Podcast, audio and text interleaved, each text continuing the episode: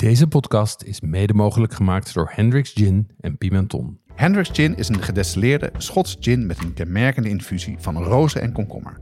Probeer nu ook de fruitige variant Grand Cabaret. Pimenton is dé webshop voor foodies. Ze hebben meer dan duizend ingrediënten van over de hele wereld die ze snel en voordelig versturen vanuit België. Ook bij ons geldt geen 18, geen alcohol. Jeroen, Ja. Kook jij wel eens op open vuur? Ehm, ja, anders dan barbecue, hè? Want dat, dat is natuurlijk gewoon, ik bedoel, barbecue regelmatig. Ja, op open vuur. Gewoon, eh, Gewoon- zoals in eh, eh, het beroemde restaurant in, ergens in, eh, in Baskeland. Drie Ja. sterren. ja, waar ze op Met open vuur- zeven op het vuur. En, Ja, nou, ik, ik, kook, ik kook wel eens op open vuur, zoals jij weet. En zijn we ook wel eens geweest. Ehm eh, heeft een vriend van ons huis in de Ardennen. ja.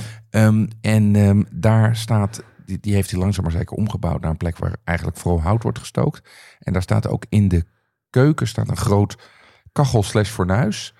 En daar kook ik eh, af en toe voor de sport wel eh, alleen daarop. Dus dan gebruik ik het fornuis niet. Ehm, maar dat vind ik nog best wel ingewikkeld. Dat is moeilijk, hè? Ja, temperatuur regelen is ingewikkeld. Maar het is wel heel bevredigend als het lukt. Dus ja, Zoals heel, de marshmallows gelukt zijn. heel af en toe.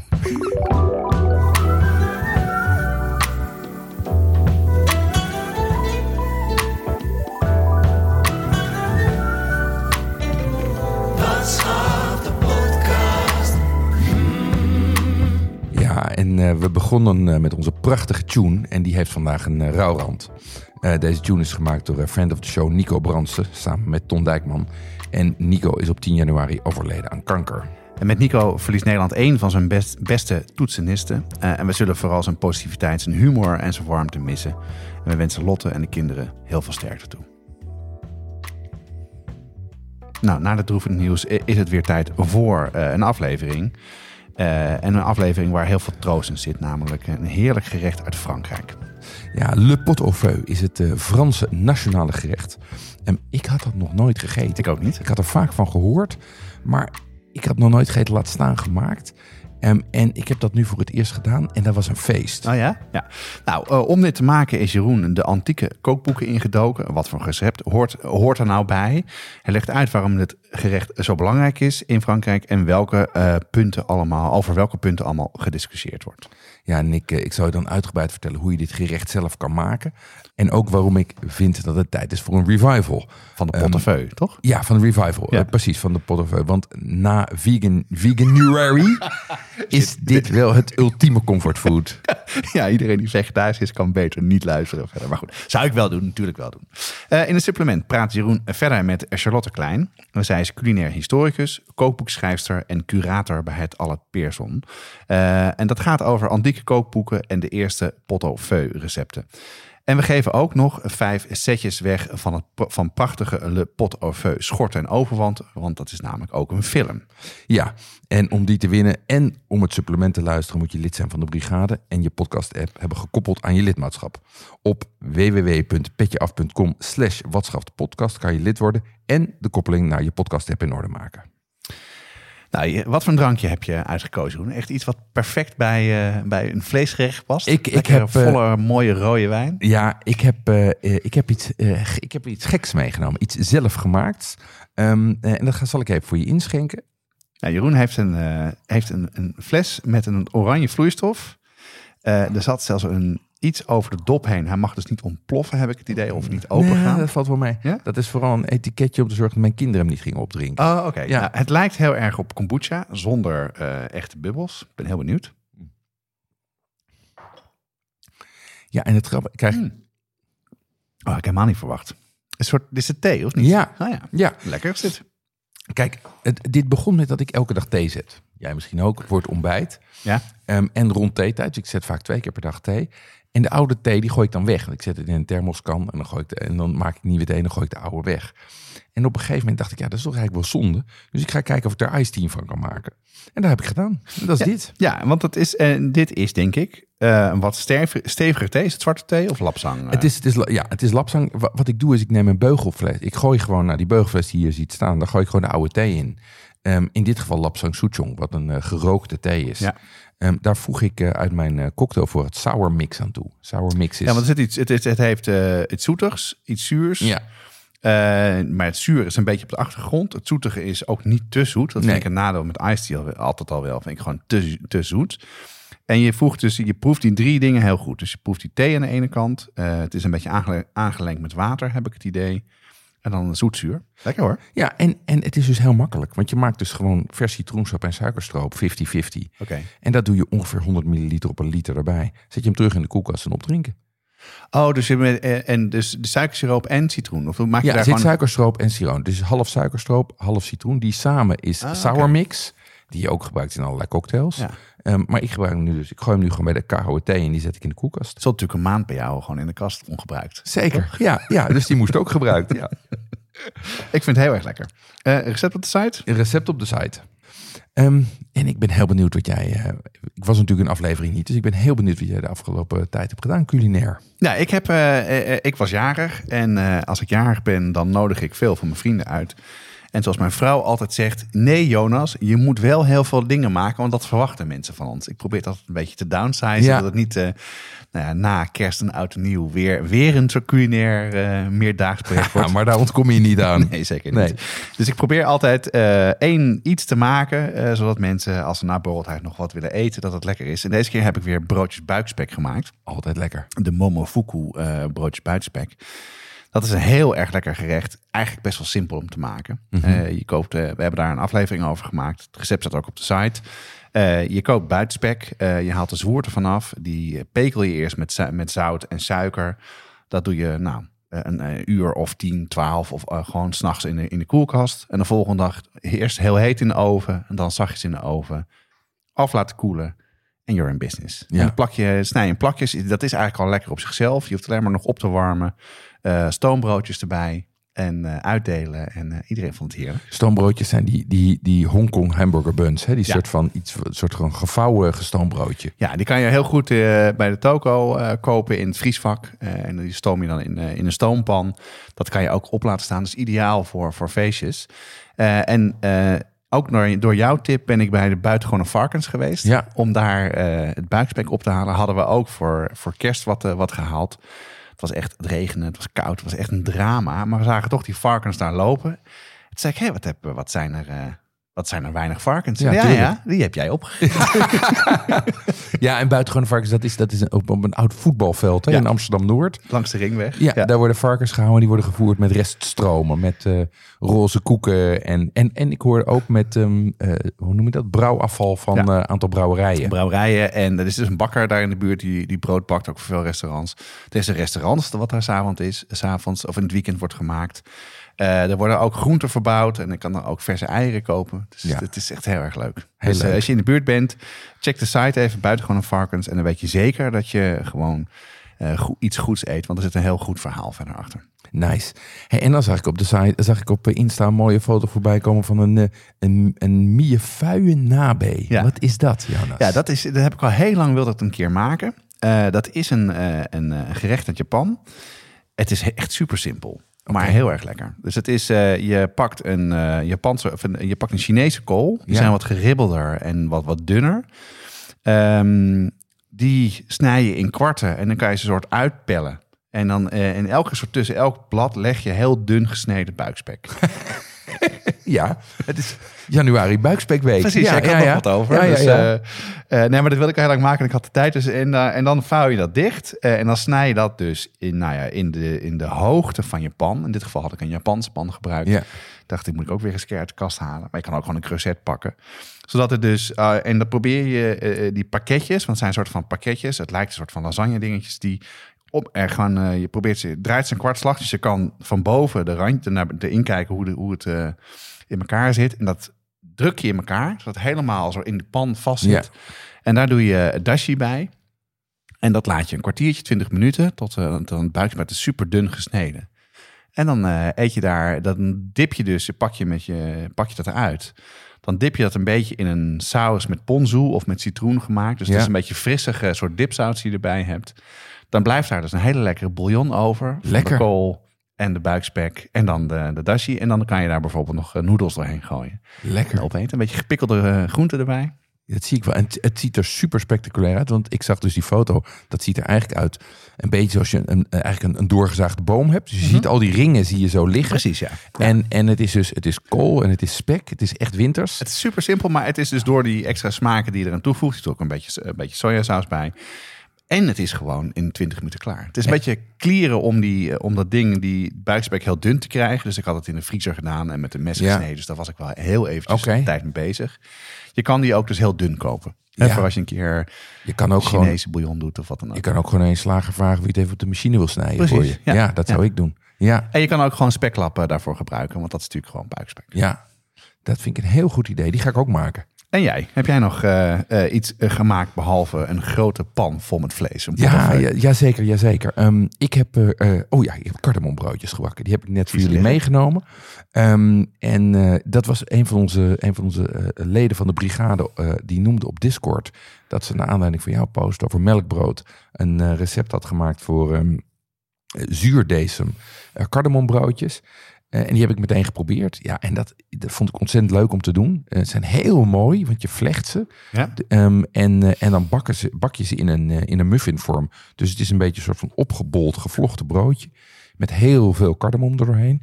Ik heb daarvoor die eh, cardamom gebruikt van ehm eh, eh, The Good Spice. Die heel erg sterk van smaak is. Ja, en dan krijg je dus een heel zacht, ehm brioche-achtig broodje. Met suiker en cardamom ertussen. Super lekker. Ja, ik heb het net een stukje van je mogen proeven. En het is, je verwacht in je hoofd verwacht je dus kaneel, maar je proeft op een gegeven moment, oké, het is iets anders dan cardamom. En eh, eh, ik vind het lekker dat je het Ja, meegenomen hebt. lekker Dus- toch? Ja. Dus voor herhaling vatbaar of niet? Absoluut. Ja, dus ik ga nog wel iets verbeteren. Ehm, eh, want ik, ik was nog niet helemaal tevreden met hoe ze werden. Maar ik denk dat het vooral te maken heeft met de muffinvorm die ik heb. Want ik heb eigenlijk een. Ik denk dat ik een cupcake vorm heb gebruikt. En dat je hier een muffinvorm voor moet hebben. Ja, maar, Maar, ik zou ehm, zeggen, het is, het is, het is nogal, nogal goed hoor. Dus ik, eh, Jawel, maar, Nee. maar het is, je wilt Niemand natuurlijk altijd beter. Niemand, nee, niemand klaagde. Nee hoor, nee, nee, nee, nee. nee. En thuis ook eh, succes of niet? Groot succes ook thuis, ja. ja. Dus dat is een aanrader. Ehm, ja, en verder, we hebben elkaar natuurlijk de hele tijd niet meer gesproken. Ik heb met Oud en Nieuw nog een running dinner gedaan. Wat is dat? Ja, een running dinner is een. is, wij doen dat met de buren, met, eh, met oud en nieuw.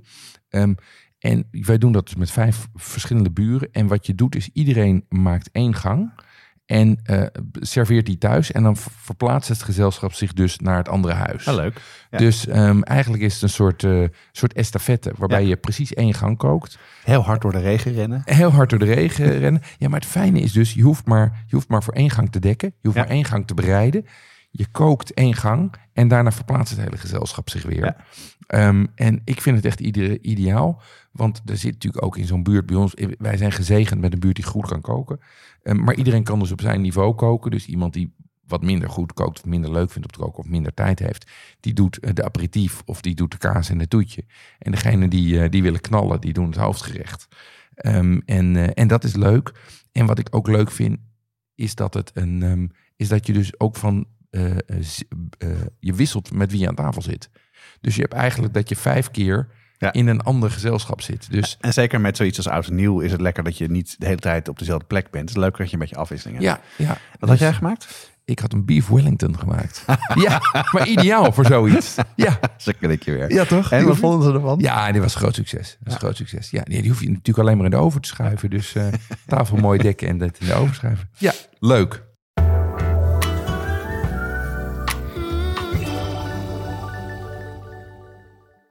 Jonas, we hebben een aflevering gemaakt over hot sauces. Dat deden we samen met de mannen achter Heat Supply. Deze hot sauce bazen hebben zelf ook een serie saus uitgebracht. Rijmakers, heetmakers genaamd. Ja, en dat zijn sauzen die niet alleen maar focussen op hitte, maar ook op smaak. En dat is voor ons een kenmerk voor een goede saus. Ze lopen op in pittigheid, eh, van de milde immune booster tot aan de brain buzzer die behoorlijk heet is.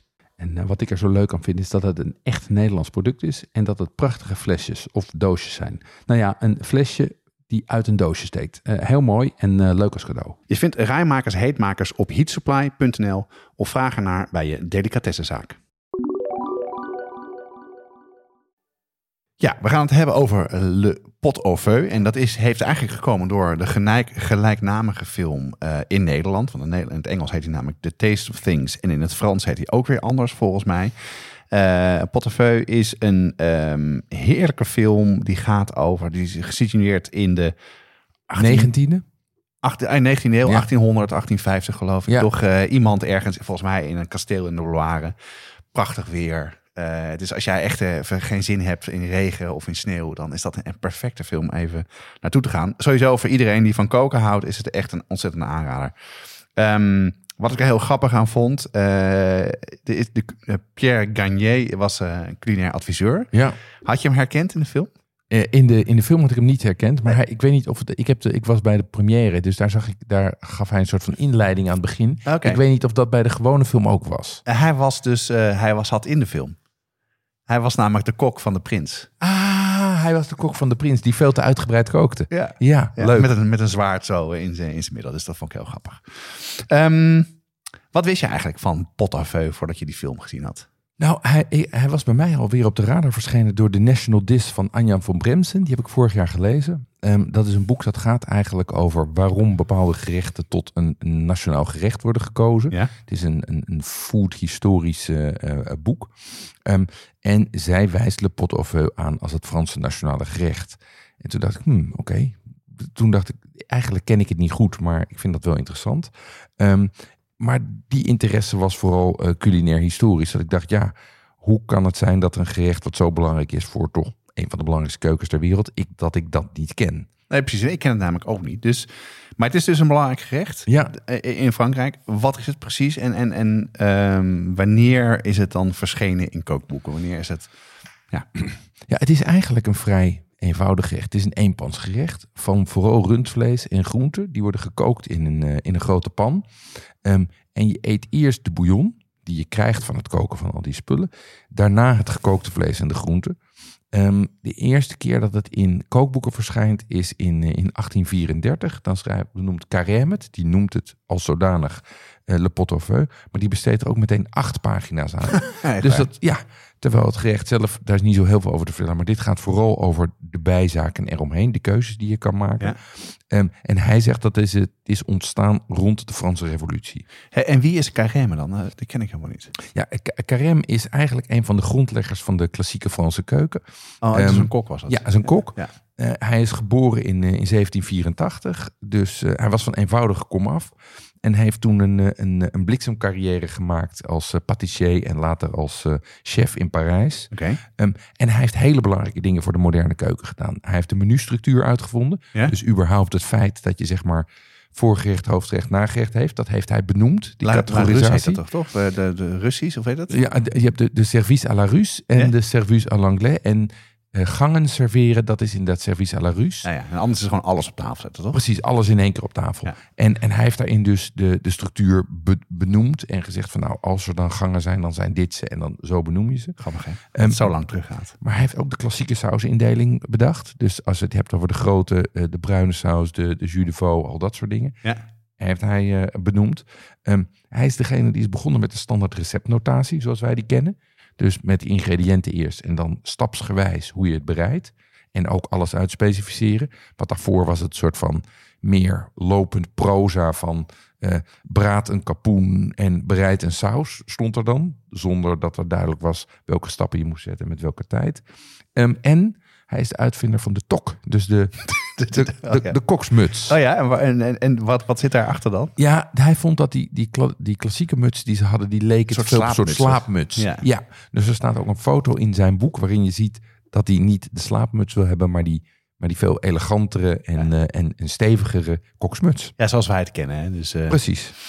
hey, ik, maar grappig dat ik, ik kende hem helemaal niet. Ik bedoel, ik, bij mij, eh, in mijn hoofd is Escoffier degene die dit allemaal gedaan heeft, wat, wat jij vertelde. Is, is, is- vind jij hem dan, is hij een heel belangrijk historische chef dan? Of, of is dat toch vooral de, de Escoffier? en Ja, kijk, hij, kijk ehm, ze staan natuurlijk allemaal op schouders, op, op schouders van reuzen.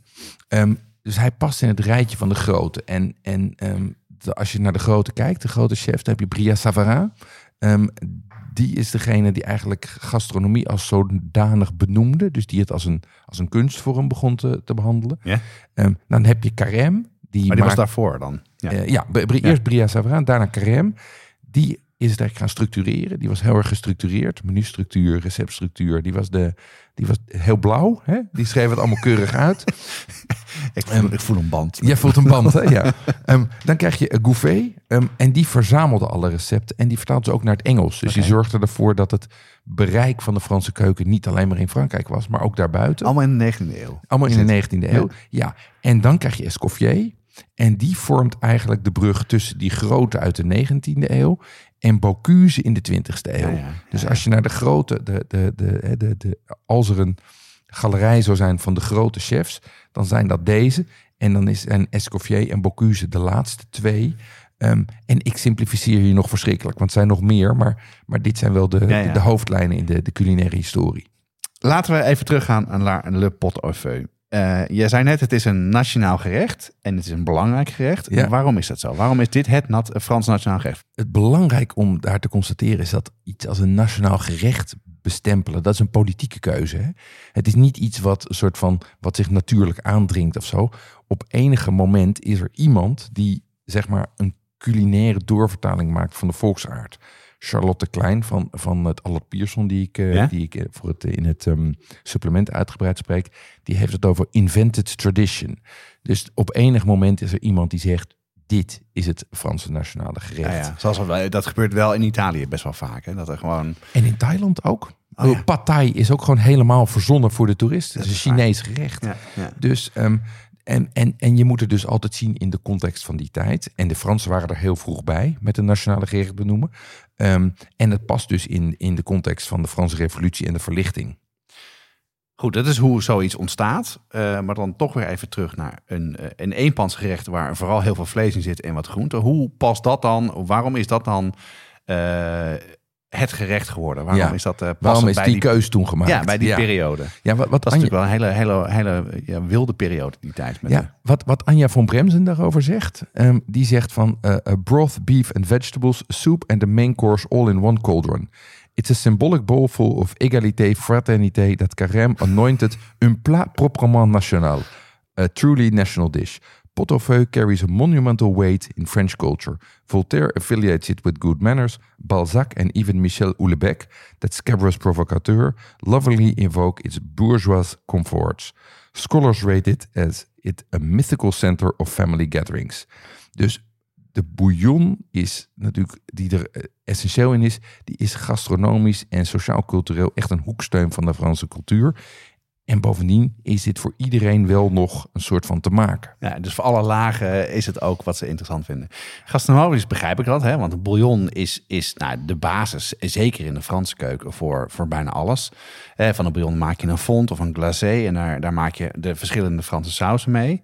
Daar hebben we een hele aflevering over gemaakt, eh, aflevering 79. Eh, voor mij altijd wel echt een van de dingen die ik nu dat trucje begrijp. Steeds best wel vaak eh, Ja. gewoon een mooie saus erbij maak. Eh, maar sociaal-cultureel moet je me nog even uitleggen, want dat zie ik nog niet helemaal. Ja, wat je je moet realiseren is dat ehm, eh, restaurants, die bestaan eigenlijk nog niet zo lang. Hè? Restaurants zoals wij die kennen, waar Ah, je oké. een menukaart hebt.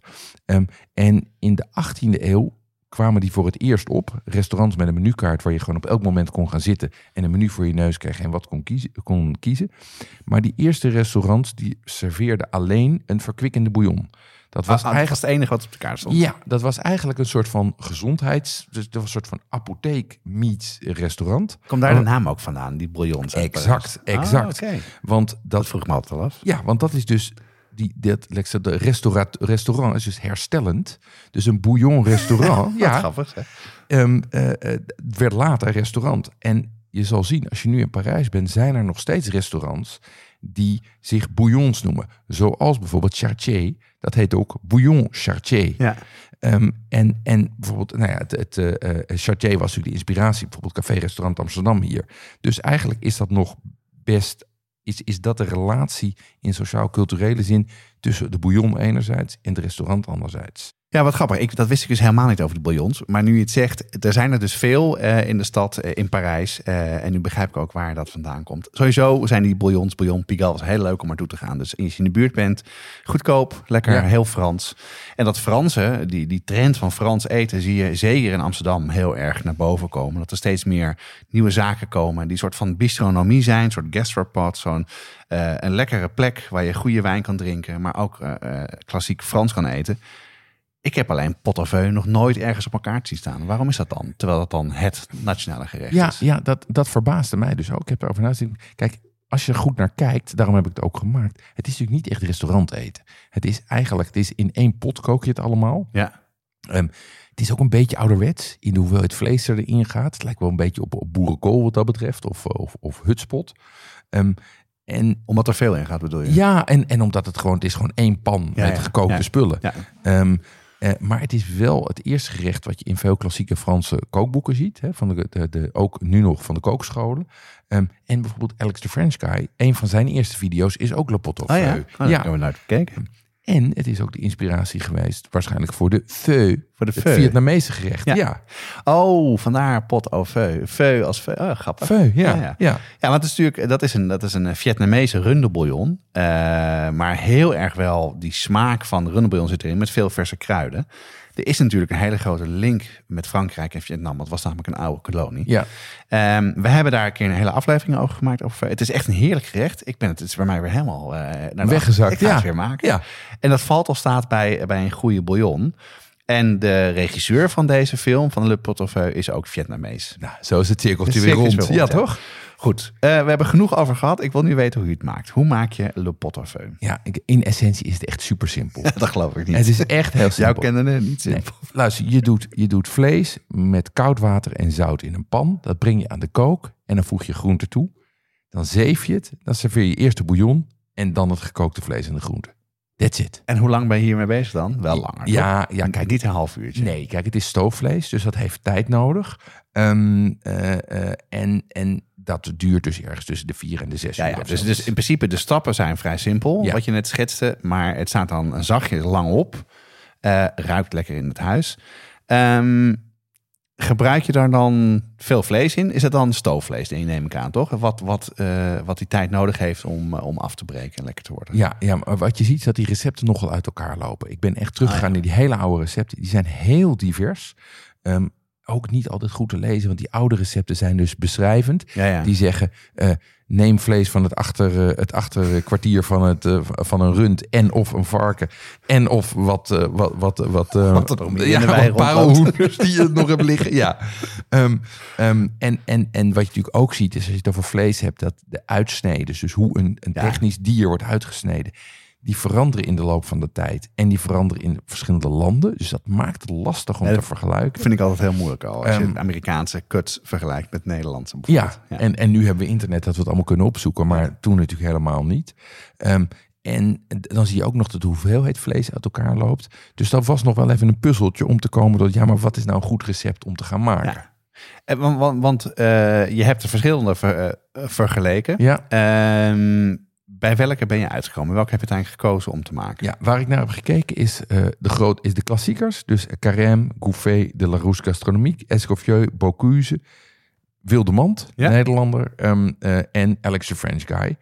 Ehm, en in alle eerlijkheid, ik vond die oude recepten gewoon te onduidelijk. Ik begreep ze gewoon niet. Dan moest ik echt helemaal gaan zitten reconstrueren wat dat dan zou kunnen Zelfs zijn. Bocuse en zo. Ja, Bocuse was, goed te, Bocuse was nog goed te doen. Ehm, maar die vond ik om een andere reden niet zo interessant. Ehm, dus ik wilde iets traditioneels. En toen ben ik uiteindelijk uitgekomen bij Wildemand, eh voormalige chef van, eh, van Bordewijk. Omdat dat mij gewoon het lekkers leek als ik die recepten bekeek. En hij kan heel erg lekker koken. Hij kan heel erg goed Ja. koken. Ja. Neem me mee door het gerecht. Hoe, eh, wat gaat er allemaal in? Oké, hou je vast. een kilo runderschenkel. 12 mergpijpjes. Een kilo short rib, korte rib. Een kilo kalfsborst. Jezus man, dat is echt 500 gram gezouten procureur of buikspek. Een kip en een Franse knoflookworst. Dit past allemaal in een... Jij hebt een pan waar dit in past. Ehm, dit, dat dacht ik, ja. Dat is nog een apart verhaal. Ehm, maar dit is inderdaad... Dit is ruim 5 kilo vlees en dit is een recept voor z'n 12. Dus dat is toch nog een... Dat Voor 12? Ja, voor 12. Maar waarom moet het allemaal zoveel zijn dan? Ja, omdat, omdat het een, een, een familiegerecht is. Dit, je eet dit, zo beschrijft Wilde Man dat. Zegt, ja, dit is, voor de, dit is voor de lunch op zondag. En dan eet je met z'n allen. Jezus. Ehm, en, eh, en, en Bocuse schrijft ook, dat is ook wel interessant. De pot au feu voor 12 personen moet worden bereid met een hoeveelheid vlees die voor minstens twee maaltijden dient. Oké, en, en heb je dan, waarom is dat dan? Weet je dat of Dat niet? ga ik je straks Nou, vertellen. ga je me zo vertellen. Er gaat ook nog groente in namelijk. De, wel. Ja, toch wel. Ja, ja, ja. En welke gaan erin dan? Ja, dat is dan een stuk bescheidener lijstje. Vier Jezus, dat echt- een bosje bottels. Ehm, Een bos en wat voor gewoon een bosbeen? gewoon, gewoon, gewoon van die bo- ja, Ah, dat, is best wel, dat is bos- best wel wat. Ja, het is één, één bosje van 500 gram. Ja, ja, met z'n oké. 12, hè? Ja, oh. Ehm, 12 stengels breekselderij. Eentje per persoon. En anderhalve kilo, en, en anderhalve kilo aardappels. En, eh, maar dit is echt het verhouding eh eh, groente-vlees. Dat is nog niet de helft van, van wat het is. Nee. Dus het, is echt, het draait echt om het vlees. Het is een vleesgerecht. en ja. het is gekookt, Ja. zeg je. Eh, hoe, hoe, hoe maak je het dan? Wat, eh, is het dan nog, moet je daar nog ingewikkeld eh, stappen in nemen? het is echt super makkelijk. Je zet het stoofvlees op met koud water, kruiden en fors zout. Gaat Ja? 10 gram zout per Nou, het liter is in. echt, een, echt een, een super heerlijk gezond gerecht allemaal. Dat hou je twee uur tegen de kook aan. Af en toe schep maar je waarom dan. zoveel zout dan? Omdat dat heb je later nodig voor de bouillon. Omdat je die bouillon gaat opeten. Ja, ja, wordt het... Anders ja. heeft het geen smaak. En je Ehm, zout het vlees dus verder niet alleen, maar nee. het gaat alleen maar in het water. Precies. Ehm, dat hou je twee uur tegen de kook aan. Af en toe schep je even wat van dat schuim eraf, wat komt bovendrijven. Dan gooi je in diezelfde pan een kip. dat vind ik altijd mooi. om Gewoon een hele kip in de pan te gooien. Een, een, eh, een, een stuk eh, eh, spek en een worst. Dan laat je het nog een uur koken. En dan doe je de groenten en aardappels erbij. En dan is het klaar. Maar, maar koken is, is zachtjes koken. Ja, heel zachtjes, Dus heel niet, zachtjes Niet, pruttelen. eh, niet Nee. eh, vol roaring bowl. Nee, eh, nee, nee. En ik heb, ik heb mijn grootste pan gebruikt. Ik heb best een grote pan. Want die zei net, dat- wat, wat is verhaal Ja, met die pannen dan? ja, dat paste dus niet. Nee, dat kan ik me Ik was begonnen met dit vlees. En dan komt natuurlijk ook zo'n kip is natuurlijk helemaal niet handig om in, in zijn geheel in een pan te Hoe doen. groot is jouw pan? Dat is 10 liter. Ja, dit, ik meer dan 10 liter. Die is, Ja, ja. Die is, ik denk dat die, ik denk die 12 of 15 liter is. En dat, ja, dat, maar er zit natuurlijk al die botten zitten er heb ook je gedaan in. dan? Gewoon twee pannen genomen. Uiteindelijk heb ik dus verdeeld over twee pannen. Ja. Ja, ja, en daarna weer bij En de kip elkaar. door midden gesneden en dan... En de eh, kip, precies. Kip echt, door, hè? ja, kip uiteindelijk door midden gesneden. En dat is natuurlijk geklier, want als hij al in het water heeft gezeten, hou hem dus dre- Nou ja, goed.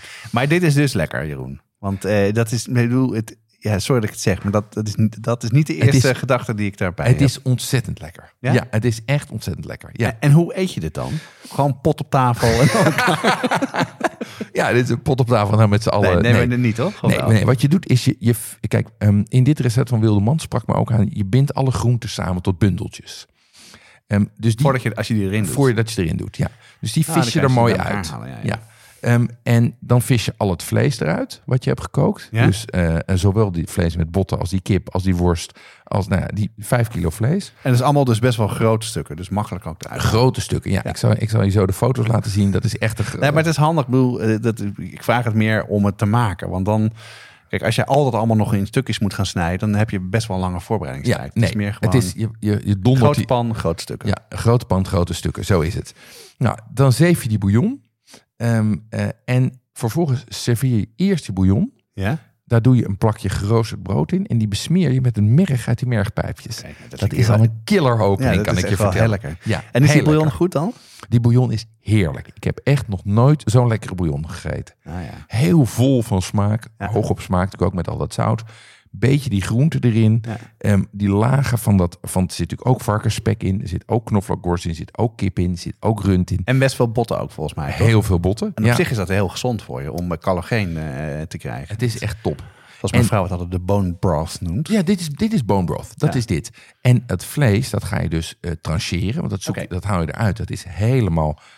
eh, eh, uit, dat het net niet uit elkaar valt, zeg maar. Dus heel zacht, maar wel ehm, eh, nog net te snijden. Ja? Dat trancheer je en dat serveer je met de groenten, de aardappels. En daar zet je bij augurken, mosterd en Oké, mierikswortelsaus. oké. Hey, en die groenten, want dat is een beetje het enige wat ik steeds door mijn hoofd gaat. Je kookt dat dus niet in wijn, niet in bouillon of Niks. andere dingen. Nee, ja, Dat bouillon. dat- ja, oké. Ja. Maar dat, dus het is niet te droog en, en niet te smakeloos dan. Absoluut niet. Nee, vijf kilo vlees. Dus dat is... Ja, oké, maar dus- goed, dan ja, nog. Ja, nee. Gekookt vlees eh, is niet, niet per se fantastisch lekker. Nou, dat dacht ik dus ook. Ehm, maar omdat je het kookt in die bouillon, is het ontzettend lekker. Ja, ja. Ja. Goed. Dus eh, februari, een pottenfeu, eigenlijk gewoon AVG. Dus eh, gekookte groenten, lekker klein stukje vlees en aardappels erbij. Nou nee, die vergelijking is wel goed. Want, want historisch is het ook familie van de oshpot, wat wij natuurlijk kennen als de hutspot. Wat je ook maakt door klapstuk te koken in water met aardappels en eh, eh, wortel en ehm, eh, ui. Ja, zoals je Ehm, waarschijnlijk vroeger deed. Zo maken we het nu niet meer. Maar... Nee, nee, precies. Maar dat is, dat is de traditionele. Maar waar het mij wel een beetje aan deed denken is The Spread bij Pendergast. Ja? Het barbecue restaurant hier in Amsterdam Westerpark. Alleen minis rooksmaak. Ja, bij de Pendergast, dat is hartstikke lekker. Dat is echt een goede tip om toe te gaan. Zeker als je van, van barbecuevlees houdt. Een beetje uit eh, de zuidelijk, het zuiden van Amerika. Eh, dat wordt laag en traag wordt het gestoofd. Dat valt uit elkaar. Vaak ook in smokers. Hè, dus dat het ook een rooksmaak heeft. Eh, en daar heb je ook een variëteit van kip, kalf, rund, worst en spek. Dus dat is... dat, is dat... lijkt dat een beetje... Ja, nou eh, precies. Daar, daarom deed het me daaraan denken. Omdat je die variëteit hebt. Omdat het laag en traag is. En sterker nog, dat rundvlees. Dat had ook een beetje zo'n rode smoke ring. Serieus? Dat gekookte rundvlees, ja. Oh, wat maf. Dus dat, heet, dat komt niet alleen door die smoker, maar dat komt gewoon door dat verwarmen, lang, laag en traag verwarmen Ah, ja. van dat vlees. Dus, ehm, eh, en ik vond het dus echt heel lekker. Maar wat wij ook van Pendergast kennen, je zit wel snel vol. Want het zit natuurlijk vol met dat, eh, met dat collageen. En eh, eh, dus dat, dat eh, Ja, ja. zacht geworden bindweefsel. Ehm, en het kan natuurlijk ook komen door die toast met merg. Want dat is natuurlijk ook moddervet. Maar dus, dus je, wordt er, je bent er snel van vol. Je bent er snel van voor. Maar Ja. wat doe je dan? Want dan heb je voor, jij woont, bij jullie zijn het, jij een gezin van met z'n vijven, soms met z'n vier als je eh, in zijn kamer is eh, Ja. als hij studeert. Hoe heb je dat dan gedaan? Want Nou, je hebt je veel over. Ja, nou sterker nog, we, waren, we zouden met z'n vijven zijn, maar er waren er twee geveld door de griep. Dus we zaten met z'n drieën een vleesgerecht voor twaalf personen vier, te eten. weet- Wat dubbele porties zijn volgens Bocuse. Dus we zaten met 24 porties. Dus ja, Jeetje man. ja nee, wij hebben... Heb je dat eh, gedaan dan? Ja, nou, kijk, dat was eigenlijk was dit de onverwachte meevaller. Ik vond het dus allemaal heel lekker. Maar de echte meevaller van dit gerecht waren de kliekjes. Oké. Ehm, want wat ik dus heb gedaan, kijk, Bocuse zegt al, je moet extra koken, want dan hou je bouillon over. Maar je houdt dus ook vlees over. Dus ik heb het allemaal keurig opgeruimd, uitgeplozen, in bakjes en vacuümzakken gedaan. En ik heb en zo'n voorraad gaar vlees, dat blijkt echt een ware schatkamer te zijn. Wat heb je ermee gemaakt dan? Vertel. Ja, echt heel veel. Wil je het allemaal weten? Ja, zeker. zeker. Ehm, de rest van de schenkel, dus Ja? dat is het vlees waar het helemaal onderin zat met bot. Dat heb ik met merg gemengd, heb ik met, eh, geserveerd met taco's met een eh, kaki salsa. Ehm, dat gekookte buikspek, dat heb ik gegeven bij de zuurkoolstampot. Met Jan. Die kip die heb ik aangemaakt met mayonaise en tussen de boterhammen van de kinderen gedaan. Mee naar Heel school. erg lekker. Heel erg lekker. Worst en afsnijdsels van de kalfsborst en de short rib heb ik in een cassoulet-achtige bonenstoof gemaakt. Ben je dan ook sneller klaar of niet? Ja, want je hoeft, het is allemaal Ja. klaar. Je hoeft alleen maar die, bo die bonen, die, eh, zeker als je bonen uit blik neemt, hoef je alleen maar het vlees erbij te gooien, op te warmen en klaar. Ja. Ehm, een deel van de bouillon en alle groenten, die heb ik gepureerd tot een maaltijdsoep met een recept van, eh, eh, eh, em, van het menu. Om een beetje gezond te houden. Om het een beetje gezond te houden. De aardappeltjes heb ik opgebakken met een gebakken ei voor de lunch. Heerlijk.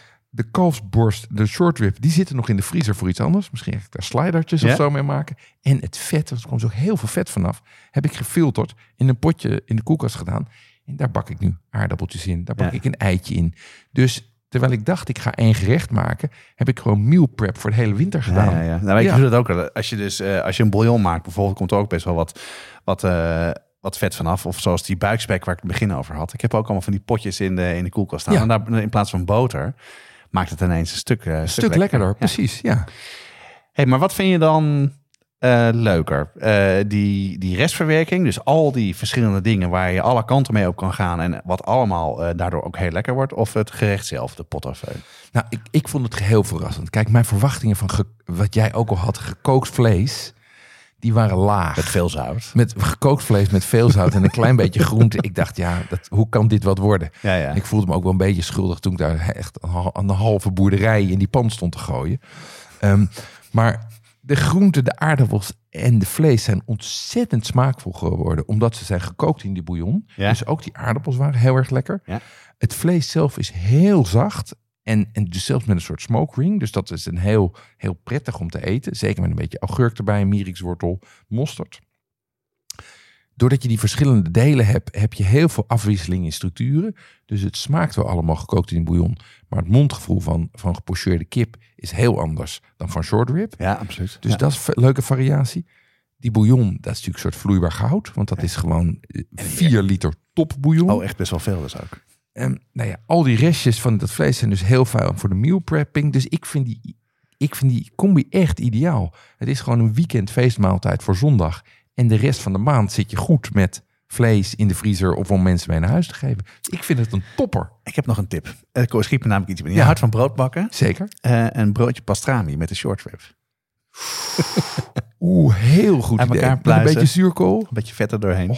Ja, nou, nog even van die merg. Hey, dan eh, ben ik wel benieuwd. Eh, dat is natuurlijk het leuke van, eh, van, eh, van de podcastmakers. Dat je af en toe dit soort eh, gerechten uitpluist. Doet Crazy en maakt. gerechten. Echt crazy.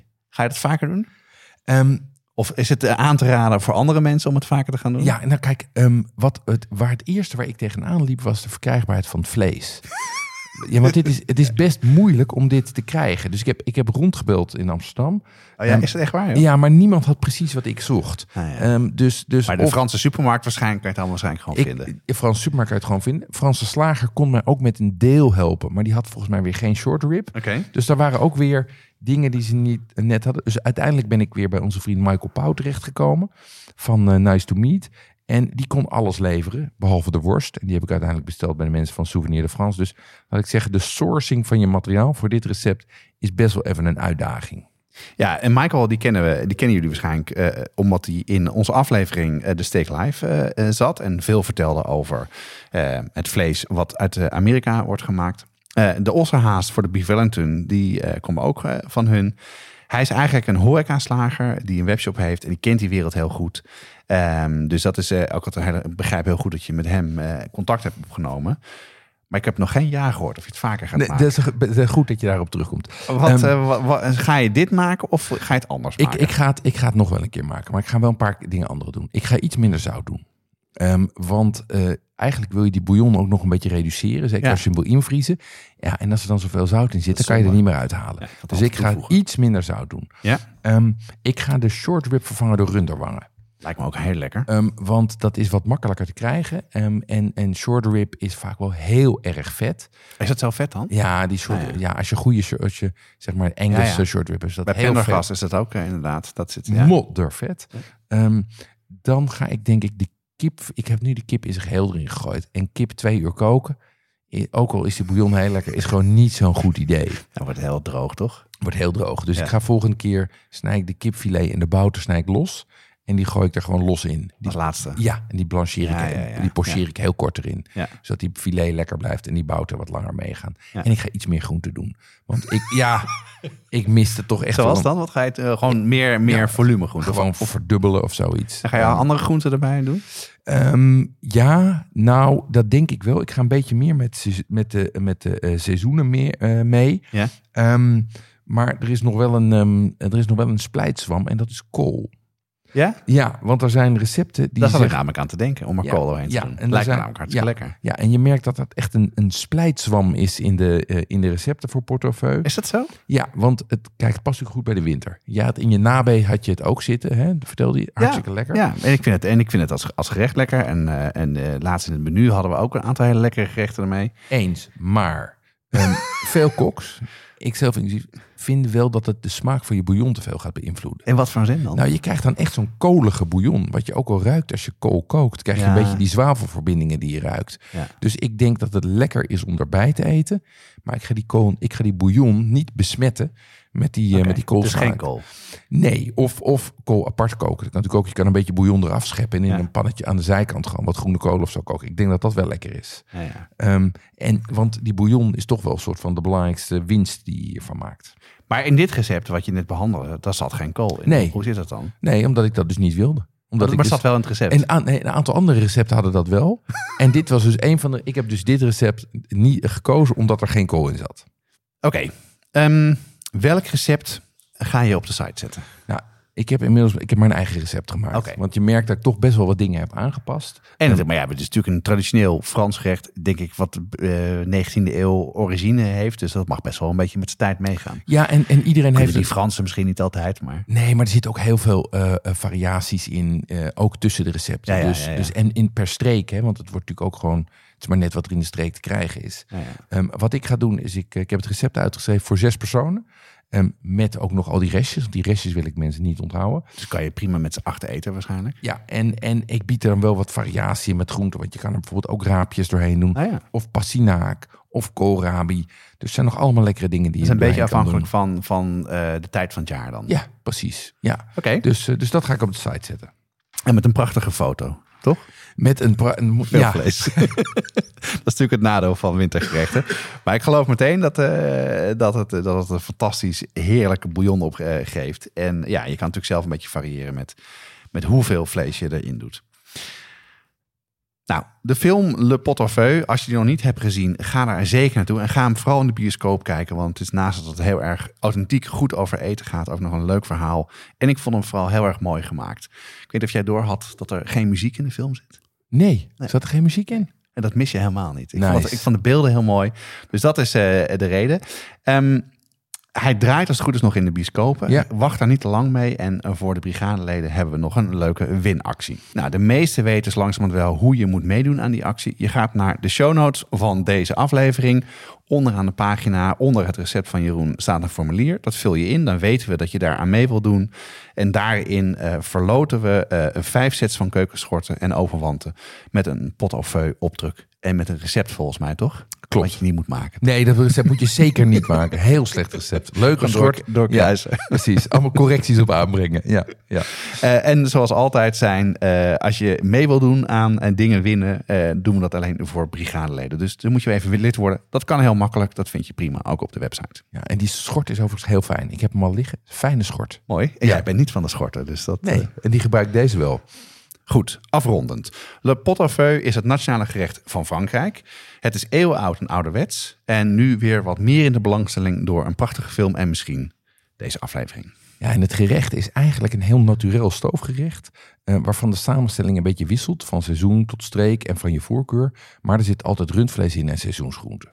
Als je het juiste vlees eenmaal gevonden hebt, is het eigenlijk heel makkelijk om te maken. Je hebt eh, een grote pan nodig en eh, wat meer tijd. Nou, met het recept van Jeroen kan de pan wat kleiner.